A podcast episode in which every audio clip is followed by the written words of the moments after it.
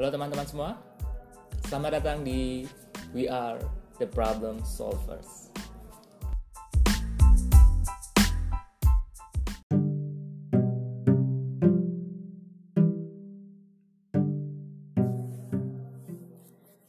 Di samping saya sudah ada bintang tamu yang jauh-jauh eh, datang dari kamar sebelah. yang baru saja pulang dari kampus ya. Iya. Beliau adalah dosen di Fakultas Ilmu Komputer Universitas Indonesia. Beliau dulu S1 di eh, fakultas tersebut juga, lalu melanjutkan S2 di UCL, apa namanya? Universitas eh, University College London ya, jurusan Education and Technology. Hmm. Um, sekarang beliau juga merintis sebuah apa namanya komunitas gerakan Atas gerakannya campaign. campaign semacam itu yang namanya Sartika Cendekia. Uh, mungkin sudah pada tahu ya, beliau sebenarnya istri saya sendiri, yaitu Suci Fadilah. Halo Mbak Suci, Halo Mas Riza. apa kabar? Sepertinya seperti apa? Sepertinya senang-senang saja. Iya dong, senang setiap hari bersama Masku. Ya makasih banyak ya udah uh, mau datang di podcast saya episode pertama nih. Wow. Oh, iya. Kita akan membahas tentang perempuan dan pendidikan. Um, Jadi konsep dari podcast yang ingin saya coba bikin ini adalah saya ingin menginvite para problem solvers, orang-orang yang melihat sebuah problem yang mungkin orang lain nggak melihat itu sebagai problem, dan mereka care dengan problem tersebut, mereka pun bergerak untuk bisa uh, menyelesaikan masalah tersebut. Uh, ya mungkin ini masih episode pertama saya juga belum kebayang akan siapa saja yang akan saya undang dan bentuknya akan seperti apa ke depannya atau akan berubah banyak. Saya juga nggak tahu, tapi ya kita coba jalanin aja dulu. Nah, jadi problem yang ingin dibahas sekarang, saya ingin bahas tentang perempuan dan pendidikan. Karena Mbak Suci ini sebenarnya concern sekali nih dengan para perempuan yang merasa bahwa mereka jalan mereka untuk meraih pendidikan itu ditutup. Nggak ditutup mungkin banyak apa? em, ya challenging lah. Mungkin Challenging lebih ya? Iya. Yang kalau Mbak Suci rasa jauh eh, lebih challenging dibanding dibanding laki-laki. Hmm. Oke, mungkin bisa cerita sedikit Mbak tentang problem tersebut. Oke, jadi sebenarnya em, kenapa sih ngangkat masalah ini? Nah, masalah ini itu sebenarnya em, apa ya dasar dasar kenapa dibawa eh, diangkat adalah pengalaman pribadi juga sih dan pengalaman eh, teman-teman perempuan di sekitar saya gitu. Nah, eh, apa yang saya lihat, yang saya lihat adalah dan saya alami mungkin ya dulu eh, ya ketika dulu mau melanjutkan pendidikan tinggi. Pendidikan tinggi di sini kita definisikan sebagai eh, pendidikan pasca sarjana. Oke. jadi ba- eh, cukup banyak eh, stereotip yang muncul di sana. Ketika seorang perempuan mencetuskan keinginannya mencetuskan harapannya untuk bisa lanjut pendidikan pasca sarjana apa ya suara-suara sumbang dalam tanda kutip itu bermunculan. Seperti eh, yakin eh, mau S2 eh, jangan sampai lupa nikah ya. Misalnya nikahnya kapan? Nggak takut eh, nanti laki-laki nggak ada yang mau sama kamu. Terus eh, jangan apa ya nanti eh, kamu udah sekolah tinggi-tinggi buat apa? Nanti juga ujung-ujungnya dapur sumur kasur. Nah semacam itu semacam itulah. Itu siapa yang bilang biasanya? Em, kalau misalnya dari pengalaman ya pribadi bisa keluarga besar terus ada juga teman yang datang langsung eh, apa ya suara-suara itu datang langsung dari orang tuanya sehingga sangat berdampak secara signifikan terhadap keputusan dia untuk lanjut atau tidak Eh, ada juga yang berasal eh, berasal dari teman-teman terdekat gitu atau teman-teman laki-laki sendiri gitu sekitar laki-laki Hmm, Oke, tadi disebutkan eh, ini khusus untuk pasca sarjana ya. Hmm. Kenapa ya pasca pasca sarjana itu jadi suatu hal yang lebih challenging gitu buat perempuan dibanding mungkin di bawahnya, misal sarjana atau SMA.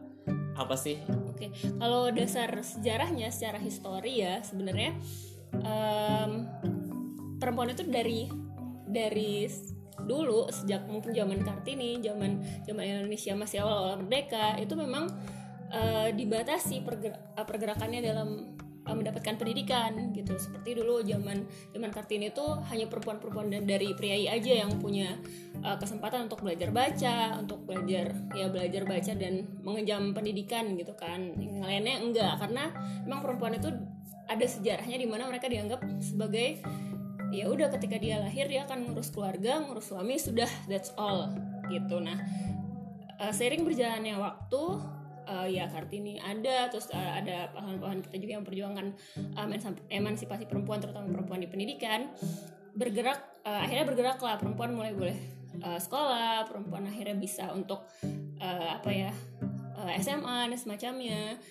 Eh, pendidikan tinggi juga sudah mulai aware gitu nah tapi yang dirasakan di zaman kita maksudnya di era kita sekarang itu eh, yang masih terbatas adalah ketika mau lanjut ke pasar sarjana. Nah itu yang terjadi sih. Mungkin karena ya tadi pergerakan eh, sejarahnya tadi. Nah kita mau berusaha supaya ya gak ada lagi gitu batasan ke yang sana gitu. Jadi emang secara sejarah baru sampai S1 ya yang yang dibuat aware sedangkan S2 atau S3 itu masyarakat kita masih belum aware dan masih belum menghargai kalau perempuan bisa sampai se eh, tinggi itu pendidikannya. Tapi memang seberapa banyak sih perempuan yang ngerasain ini ini apakah hanya golongan-golongan tertentu atau memang sebenarnya banyak yang ngerasain? Oh, dan yang kasus tadi itu sebenarnya di Indonesia aja ya. Kalau misalnya Iya. kita uh, bicara untuk konteks negara lain, mungkin kalau misalnya di Middle East atau apa itu mereka yang masih merasakan bahwa perempuan itu uh, nggak harus sekolah tinggi ya, bahkan nggak harus sekolah itu ya masih banyak, terutama di uh, negara-negara berkembang gitu kan kayak kasusnya uh, Malala gitu kan bahkan di tingkat dasar gitu kan perempuan boleh sekolah gitu. Tapi ya kita balik ke konteks Indonesia. Eh, terus tadi pertanyaannya adalah apakah seberapa banyak gitu kan yang perempuan yang eh, merasakan hal ini gitu. Nah jadi sebenarnya kalau misalnya kita lihat datanya eh, dan mungkin juga eh, apa ya ya yang berkembang di masyarakat kan kalau misalnya kita lihat di pendidikan dasar oh anak-anak perempuan itu sebenarnya lebih rajin ya nggak sih yang ranking satu tuh lebih banyak gitu misalnya kan Hmm, di awal-awal. di awal-awal ya SD sampai gitu kan berarti apa perempuan lebih rajin segala macam Menarik ya diteliti Iya gitu ya. kan? Kenapa kayak gitu ya? Ada. Menarik. nah terus secara data yang kita dapat juga sertifikat Cendeki ya dapat dari Kemendikbud eh, Kemendristek ya apa Dikti ya kalau misalnya pendidikan tinggi itu sebenarnya secara jumlah perempuan yang mengenyam pendidikan pasca sarjana itu lebih banyak daripada yang laki-laki Hmm. Nah itu secara datanya seperti itu. Cuman ketika kita bicara uh, apa ya, uh, ketika kita bicara tantangannya untuk menuju ke sana, itu tuh kerikilnya itu dirasakan secara nyata oleh beberapa orang. Nah itu kan karena saya salah satu yang mengalami sendiri, terus ada beberapa teman yang kita dengar ceritanya, akhirnya sertifikat Cendekia memvalidasi lah hal tersebut. Apakah cuma saya doang? Atau gimana. Akhirnya kita sebar form tempo hari eh, dapat 500-an eh, responden. Dan memang mayoritas eh, hampir semuanya perempuan Indonesia itu menyadari dan eh, dihadapkan dengan stereotip-stereotip tersebut gitu. Jadi mungkin nggak apa ya kita karena dalam perjalanan pendidikan itu kan sebenarnya learning proses gitu untuk menuju ke sana untuk menuju sampai akhirnya daftar akhirnya mau mendobrak apa ya stereotip yang ada itu tuh panjang prosesnya ketimbang kalau misalnya kita ngomongin di bagian laki-lakinya. Hmm, oke. Kalau tentang sertifikat cendekia sendiri, ini sebenarnya apa sih? Apa yang dibuat, apa yang coba disajikan sebagai solusi untuk masalah ini? Oke, jadi sebenarnya kalau misalnya sertifikat cendekia sendiri itu eh, yang jelas visi dan misi kita adalah eh, gimana caranya kita membuka jalan sih. Kita eh, apa ya? eh, kita bukan yang kayak mempromosikan oh perempuan itu harus S2, perempuan harus pendidikan tinggi. Enggak, enggak kayak gitu. Tapi kita mau teman-teman perempuan-perempuan yang punya mimpi untuk bisa pendid- eh, bisa sekolah tinggi, bisa sampai S3 dan mereka yang terutama punya potensi dan punya mimpi besar untuk bisa contribute di sesuatu yang emang butuh degree tinggi itu nggak terhalang. Hmm. tuh misinya ke sana. Jadi ngebantu uh, mereka yang seperti itu. Nah itu visi besarnya sehingga nanti ke depannya uh, jadi kalau kita ngebagi visi itu ada tiga sih. Jadi dari mulai support mereka terus kita ningkatin awareness masyarakat juga sehingga akhirnya perempuan yang punya degree tinggi atau pengen lanjut sekolah tinggi itu udah jadi bukan lagi jadi sesuatu yang aneh atau bahkan dihalangi sama um, orang-orang di Indonesia gitu kan. Nah itu visi besarnya sampai ke sana. Nah kalau soal uh, apa sih solusi yang kita sajikan? Hmm. itu sebenarnya kita sekarang masih dalam proses yang mencari bentuk yang paling pas Hmm. yang udah pernah kita coba waktu itu adalah kita bikin kelas um, online Hmm. gitu kenapa kelas online karena kita uh, melihat bahwa masalah ini tuh sebenarnya lebih banyak terjadi di um, teman-teman yang ada di daerah Oke. gitu sehingga kita buka kelas di mana semua orang bisa akses semua bisa dapat materi dari kita kita juga bisa mendatangkan apa menghadirkan role kita bisa kita juga bisa menghadirkan menghadirkan role model secara online gitu sama Hmm. teman-teman. Kita waktu itu bikin kelas online yang panjang kelasnya itu tiga bulan. Kita kita kasih materi di sana. Dari mulai eh, apa ya em, apa sih challenge-nya perempuan dan pendidikan tinggi terus kenapa sih kita harus memperjuangkan mimpi kita dan potensi kita kalau misalnya kita pengen punya uh, mimpi ke sana. Terus uh, kita juga kasih materi tentang uh, mengurai masalahnya gitu. Jadi uh, apa sih sebenarnya yang menjadi uh, apa yang membuat akhirnya stereotip itu sampai kamu kena gitu? Kalau Oke. misalnya dari orang tua apa yang ditakutkan orang tua gitu? Kalau kamu lanjut pendidikan tinggi gitu. Jadi ada materi itu juga ada materi negosiasi yang seperti itu seperti itu sih. Tadi menarik sih tentang mengurai stigma-stigma yang ada di masyarakat ya tentang itu. Bisa kita ceritain lebih dalam mungkin ya, Mbak Suci bisa ceritain lebih dalam mungkin juga dari pengalaman sendiri. Misal kita bahas satu stigma, beberapa stigma deh, satu stigma kita bahas eh, apa dan kenapa itu salah. Misal apa yang sering?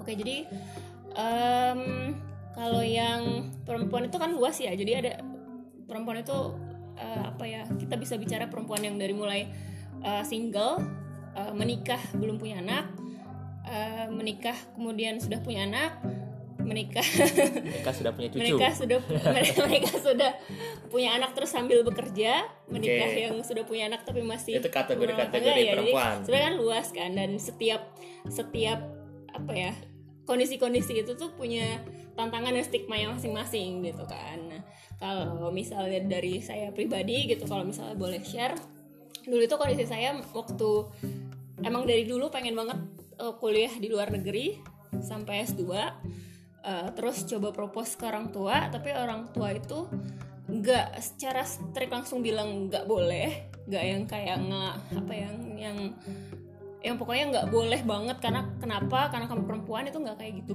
nggak kayak gitu orang tua tapi apa ya? Terlihat ya. terlihat maksudnya kayak ya berat gitu untuk mengizinkan lanjut gitu kan dan untuk ngasih ngasih izin ngasih restu untuk bisa lanjut S2 gitu eh, nggak bisa awal awalnya orang tua itu cuman apa ya ayah sama ibu tuh paling bilangnya ya Uni kan perempuan kan saya, saya dipanggil Uni di rumah dia kan Uni kan perempuan nanti ke depannya akan jadi ibu nanti eh, akan jadi istri gitu kan nanti kalau misalnya keluar negeri eh, gimana gimana gimana gitu kan Gimana? Apa maksudnya? Maksudnya- Gimana tuh gimana? eh, kayak eh, nanti nikahnya gimana terus nanti kalau udah S2 eh apa ya nanti kalau udah S2 eh, nanti mau jadi ker- kerjanya mau jadi apa? Terus nanti kalau misalnya eh, nikahnya rencananya kapan gitu loh. Jadi eh, dikasih apa ya saya cukup beruntung karena orang tua saya tuh nggak yang benar-benar bilang bahwa oh ini kan perempuan udah nggak usah nggak boleh gitu kan. Nah, jadi eh, saya mulai dari situ tuh dari alasan-alasan yang di di apa ya dipaparkan sama ibu saya gitu kan apa sih kekhawatiran kekhawatiran orang tua Oke. saya gitu Tadi kan Dari dibahas situ. tentang banyak tentang kekhawatiran tentang menikah ya. Mm-mm. Coba kita bahas itu deh. oke Kenapa? Kenapa perempuan disebut seperti itu kalau S2 nanti susah nikahnya atau susah dapat jodoh? Mm-mm. Dan apakah itu banyak yang ngerasain kayak gitu? karena banyak itu Relatif. relatif jadi eh, mari saya kira-kira ya. Kira-kira mungkin eh ibaratnya dari kalau ngambil sampelnya sampel teman-teman deh. teman-teman terdekat mungkin 10 itu bisa 9 dari 10 nya oke yang dibilangin kayak gitu oleh entah keluarganya entah teman-temannya entah masyarakat. Tuh yang pernah paling nggak kan dibilangin kayak gitu gitu. Kenapa sih? Jadi uh, karena gini, buat uh, saya juga sampai sekarang belum tahu apa yang menjadi penyebab utama uh, ter, terbentuk apa ya pola pikir mindset tentang perempuan yang bahwa apa menikah atau tidak menikahnya perempuan itu akan sangat berpengaruh ke apa ya sangat berpengaruh sih tapi maksudnya menjadi ya, setid, kayak istilahnya biner gitu hmm. kalau misalnya nikah ya nggak lanjut S2 ya gitu kalau nggak nikah iya maksudnya kalau ngambil pendidikan ya susah kalau udah nikah gitu lah segala macam. Lah entah dari mana terus ada juga kayak muncul uh, dibilangin bahwa kalau misalnya kamu S2 nanti laki-laki takut loh. Hmm. Gitu nanti laki-laki ngerasa kamu lebih dominan kamu lagi lebih pinter lebih pinter apalagi kalau misalnya kamu dapat kerjaan yang lebih bagus dan gajinya lebih bagus gitu. Nanti siapa yang mau sama kamu yang kayak gitu kayak gitu tuh ada tapi hal yang kayak gitu, gitu. mungkin bener nggak sih maksudnya siapa tahu emang laki-laki nganggapnya kayak gitu atau ngerasain sendiri nggak ada oh, ternyata emang teman-teman ada nih yang susah mm merasa banyak yang susah gitu untuk nikah gara-gara udah S2. Oke, okay, kalau misalnya uh, yang sejauh ini yang pernah saya lakukan validasi tentang hal tersebut pernah saya lakukan. Lucu juga ngomongnya. Mbak Suci itu sudah nikah soalnya. Jadi, um, ya saya punya contoh real yang tidak. Oh, okay. Berarti... Suami saya sendiri gitu kan contohnya gitu. Tapi ada tetap laki-laki yang merasa bahwa oh enggak dia cukup uh, dia cukup ya udah terima aja gaji dari saya nggak usah uh, susah-susah untuk harus sekolah terus cari kerja padahal kan ketika kita mau nge pendidikan tinggi misalnya kita mau belajar lebih tinggi itu nggak nggak kayak directly related tuh kita mau punya job apa kan nanti hmm. gitu padahal kan ketika kita sekolah kita punya pendidikan tinggi ya kita menaikkan kapasitas diri kita kan tapi ya kalau misalnya tadi ditanya mungkin mungkin atau enggak ya jawabannya saya sudah pernah validasi dan ada gitu. oke berarti emang memang ada mm-hmm. mungkin ada orang laki-laki yang kayak gitu ya mm-hmm. cara cara berpikirnya mm-hmm. kalau saya bisa nambahin sedikit sebenarnya kalau masalah jodoh itu uh, memang kalau bahasa Al-Qur'annya carilah yang sekufu ya mm. jadi um, kalau nyarinya memang golongan orang-orang yang memang pendidikannya tinggi juga nih laki-lakinya saya sih ngerasanya sih pasti terbuka aja. Saya sih ngeliat teman-teman saya teman-teman deket saya sekeliling saya itu nggak masalah dengan dengan pasangan yang mungkin lebih tinggi degree-nya educationnya dibanding dia karena sama-sama menghargai pendidikan. Cuman mungkin orang-orang yang hmm, nggak hmm, sejauh itu mikirnya mungkin mereka punya culture yang berbeda mereka lebih serak dengan culture bahwa uh, laki-laki yang cari kerja uh, perempuan yang ngurus ngurus ngurus anak ya nggak akan bisa cocok. Intinya itu sih sebenarnya uh, memilih apa ya memilih kita ada di di sisi yang mana aja sih sebenarnya.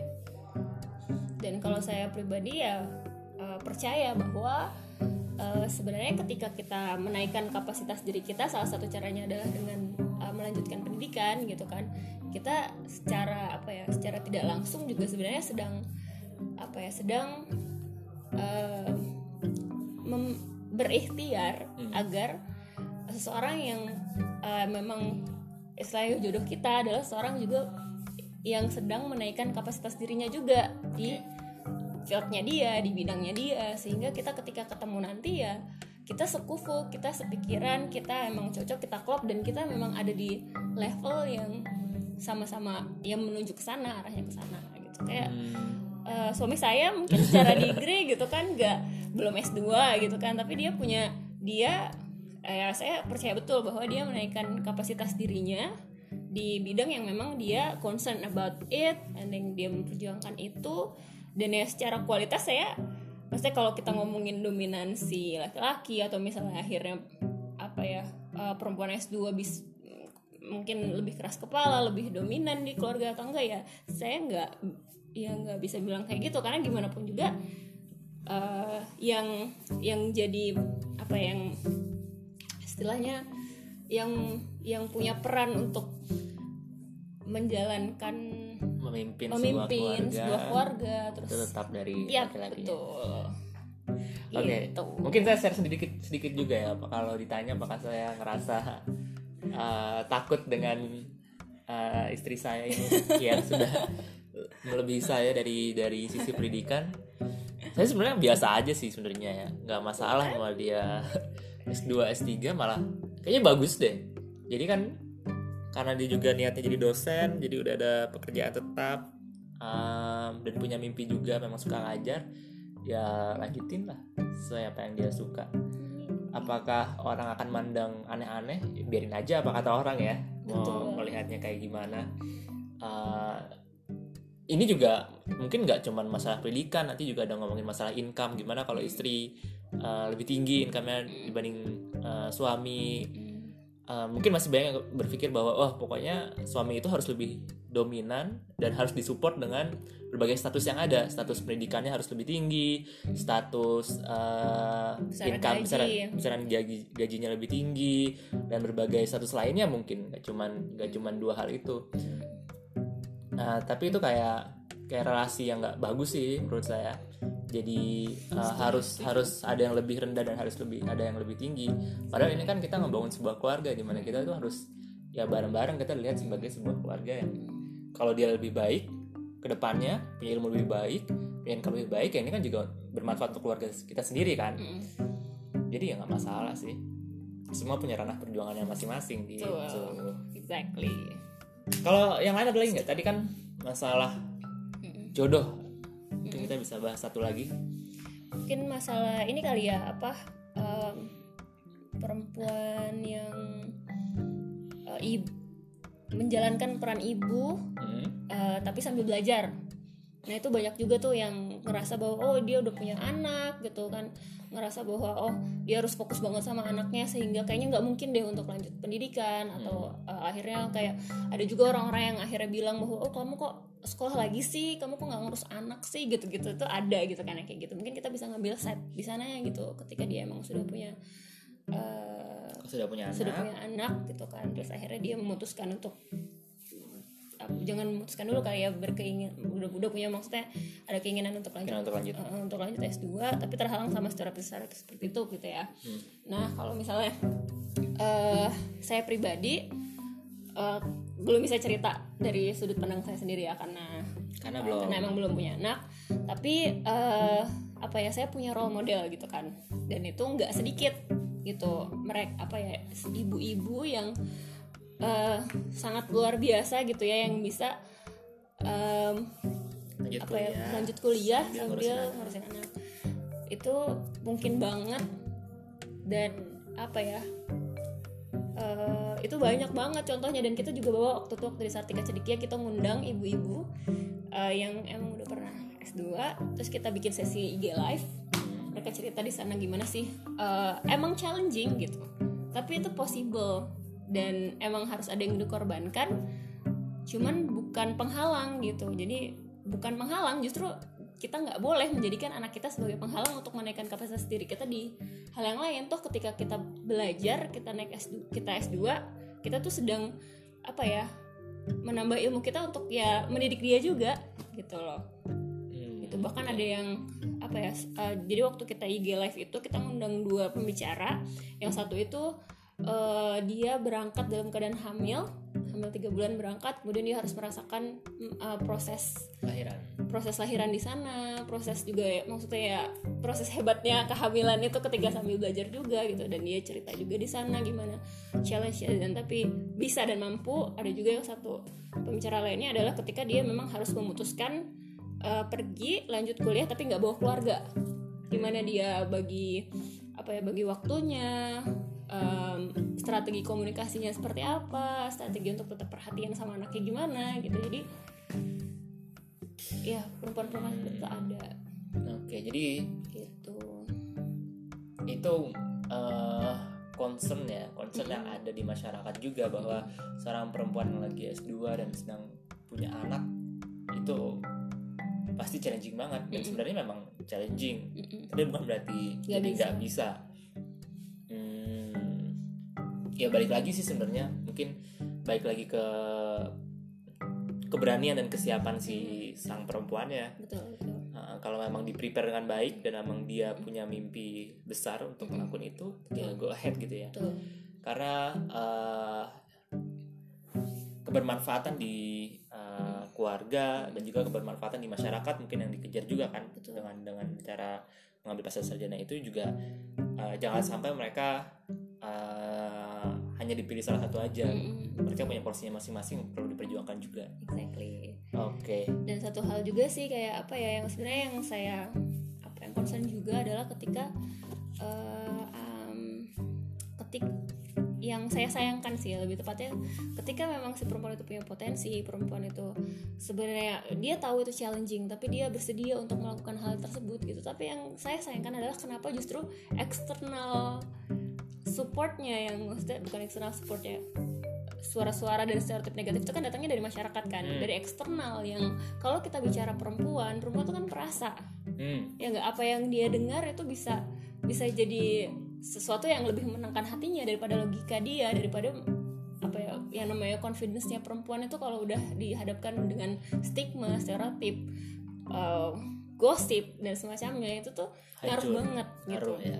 Ngaruh banget dan itu sangat saya sayangkan gitu. Padahal sebenarnya secara potensi dia bisa gitu. Tapi kenapa? Justru ketika kita mau harusnya ya, maksudnya secara ideal yang saya percaya adalah ketika seorang perempuan itu mau menaikkan kapasitas diri dia lingkungan eksternal itu harusnya kan justru support dong.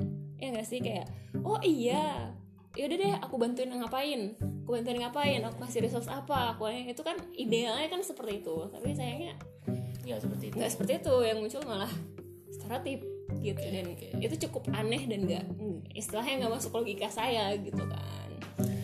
Alright. Sih Uh, menarik sekali pembahasannya tentang masalah ini ya.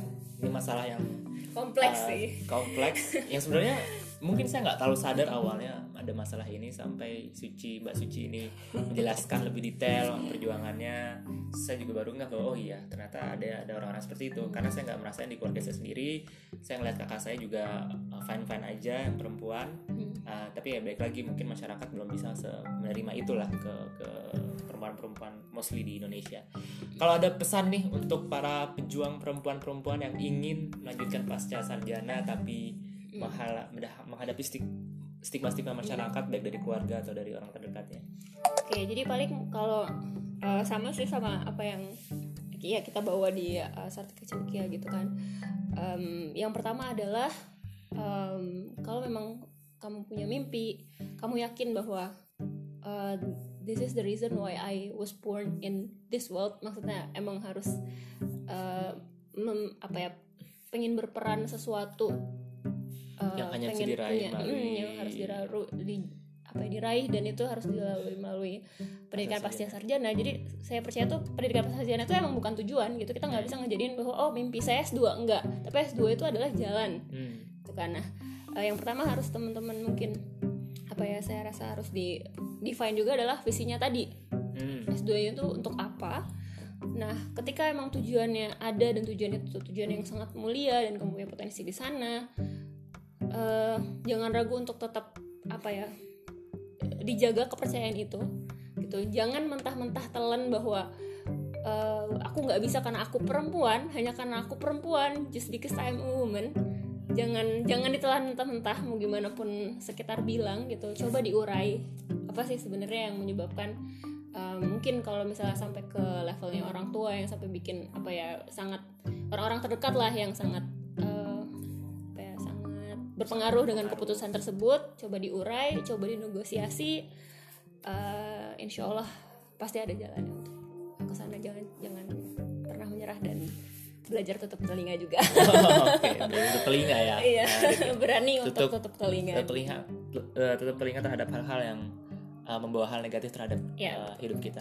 Oke, terima kasih Mbak Suci atas kehadirannya di episode pertama ini. Uh, semoga yang mendengarkan bisa mendapatkan manfaatnya. Semoga kita juga bisa uh, sustain nih podcastnya. Saya nggak tahu ke depannya gimana. Coba dulu aja. Uh, semangat makasih. semangat Uh, semangat. Kita tutup.